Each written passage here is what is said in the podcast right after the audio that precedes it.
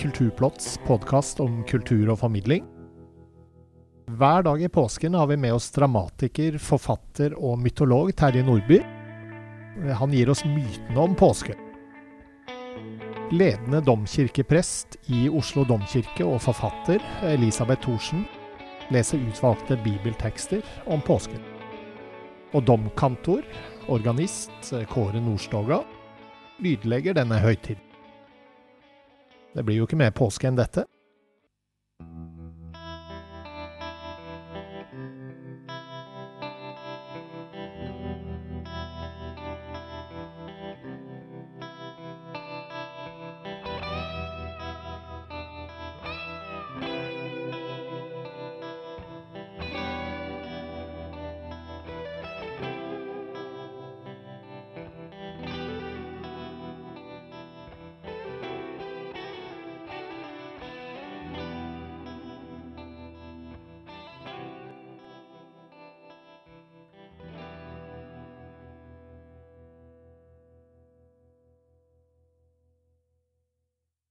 I dag er det påskeaften, og det skal handle om påskekrim. Men uh, hva har egentlig påskekrim med påsken å gjøre, Terje?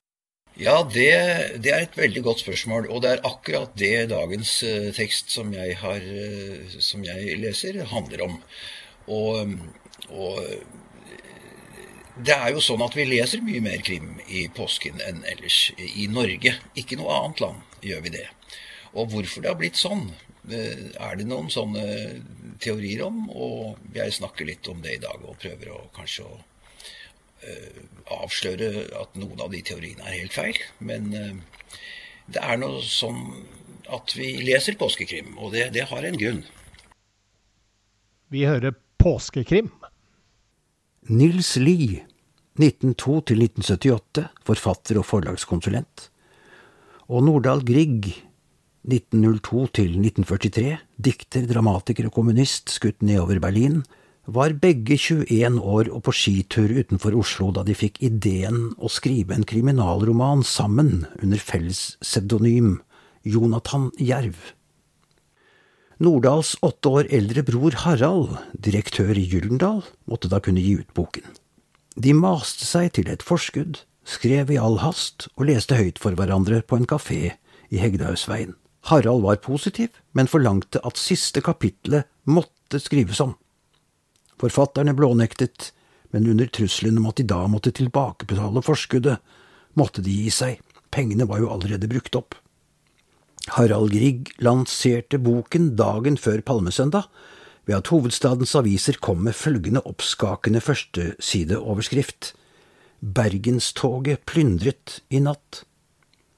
At dette var annonse for en roman, var umulig å oppdage verken ved første eller andre øyekast. Redaksjonene ble nedringt av folk som hadde sine pårørende på toget. Opplaget ble utsolgt før påske. Denne historien er velkjent, om ikke akkurat i detalj. Det er nemlig en gjengs oppfatning at dette er opphavet til fenomenet påskekrim, og det er rett og slett feil. At påsken var egnet til konsumering av lettere litteratur, var etablert lenge før, og det oppsto slett ingen eksplosjon av krim til eller rundt påske på grunn av denne boken. Begrepet påskekriminal ble brukt først i 1950, og ikke før på 1970-tallet fikk betegnelsen fotfeste, men også da svært langsomt. I 1976 sendte NRK TV Krim skjærtorsdag og langfredag første gang, og året etter ble ordet påskekrim brukt i lanseringen. Radioen fulgte etter. Først fra 1980 kom begrepet i bruk. Forlag og medier brukte det for hva det var verdt, og det var temmelig mye, for snart var et helt nytt markedstorv skapt, parallelt med at nordmenn hadde fått betydelig økt velstand. Hvorfor lyktes det? Knut Nærum uttaler den eneste grunnen til at vi leser mer krim i påsken, er at vi har fått beskjed om det. Og Fredrik Vandrup, påskekrim er et markedsføringsfenomen. Ja visst, og hva så?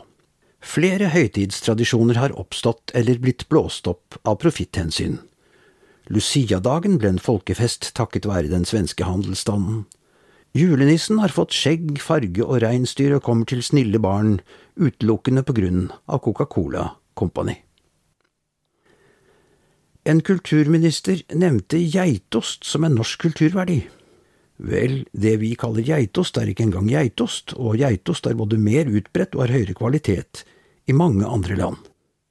En minister bør dessuten vite at det er forskjell på kulturverdier og ost. Men påskekrim er en ekte norsk kulturverdi. Ikke påsken, ikke krimmen, men miksen. Om den er aldri så markedsstyrt. Ingen andre land har maken. Vi har eh, kommet til eh, påskeaften i påskefortellingen, og eh, som vanlig er Elisabeth Thorsen her for å gi oss den. Noen ord om dagens tekst, Elisabeth? Ja, påskeaften er jo en stille dag i, i kirken mellom langfredagens mørke og påskenattens og første, første påskedags lys.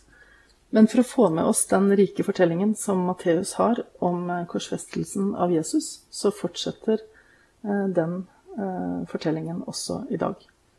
Fra kapittel 27 og vers 27. Da hører vi dagens tekst. Landshøvdingens soldater tok da Jesus med seg inn i borgen og samlet hele vaktstyrken omkring ham. De kledde av ham og hengte en skarlagensrød soldatkappe på ham, flettet en krone av torner og satte den på hodet hans, og ga ham en stokk i høyre hånd. De falt på kne foran ham, hånte ham og sa, Vær hilset, du jødenes konge. Og de spyttet på ham, tok stokken og slo ham i hodet. Da de hadde hånt ham, tok de av ham kappen og kledde ham i hans egne klær. Så førte de Jesus bort for å korsfeste ham. På veien ut møtte de en mann fra Kyrene ved navn Simon. Ham tvang de til å bære korset hans. Da de kom til et sted som heter Golgata, det betyr hodeskallen, ga de ham vin blandet med galle, men da han smakte på den, ville han ikke drikke.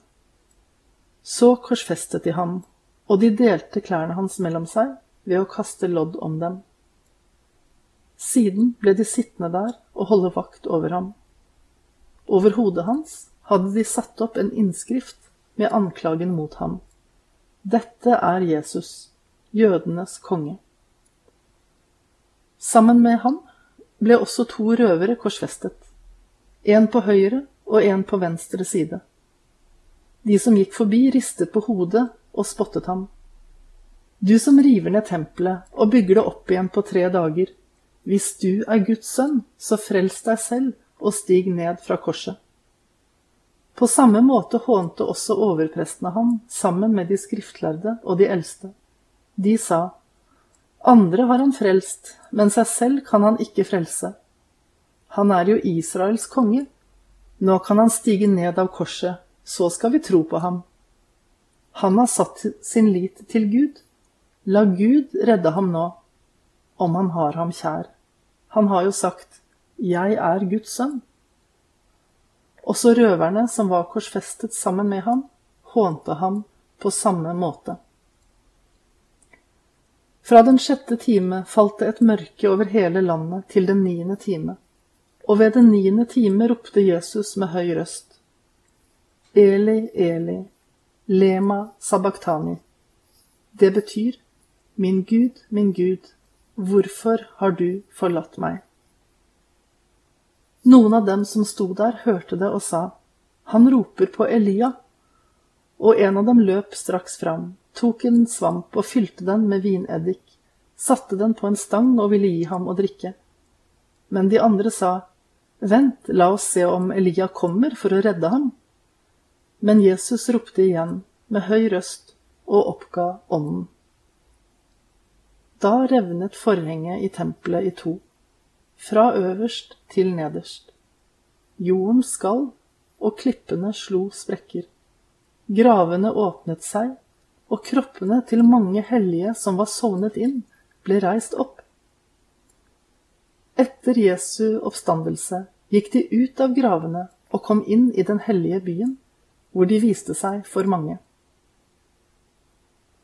Men da offiseren og folkene hans, de som holdt vakt over Jesus, så jordskjelvet og det som hendte, ble de grepet av stor frykt og utbrøt. Sannelig, han var Guds sønn. Det var også mange kvinner der som sto på avstand og så på. De hadde fulgt Jesus fra Galilea og tjent ham. Blant dem var Maria Magdalena, Maria som var mor til Jakob og Josef, og mor til Sebedeus-sønnene. Vi har med oss Kåre Nordstoga denne påsken. Han er ledende kantor i eh, Oslo domkirke.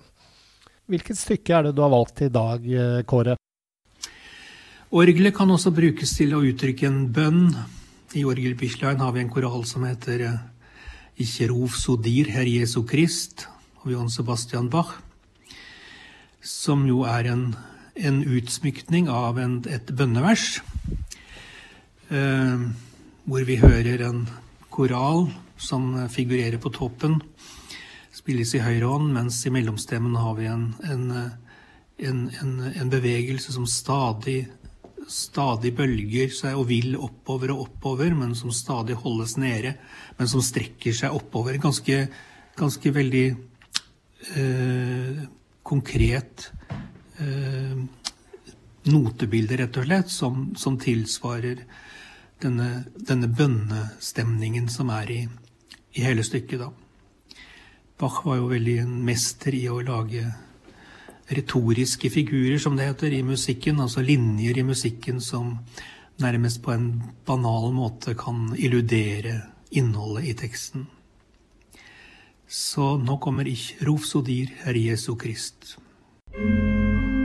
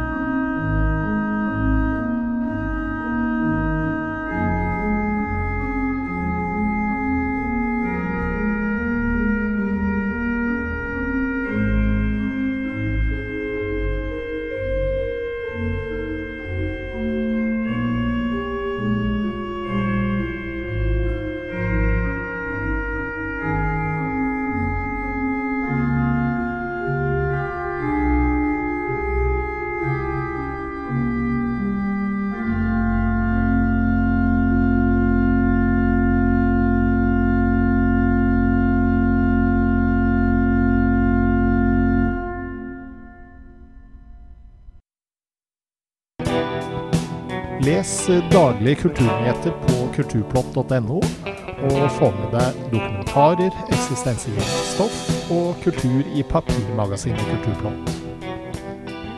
Plottet var ved programleder og teknisk ansvarlig Bård Andersson. For dere som er med oss og lytter til Påskeplottet, har vi et spesialtilbud på abonnement. For tre måneder betaler du bare 99 kroner. Gå inn på kulturplott.no og prøv, da vel.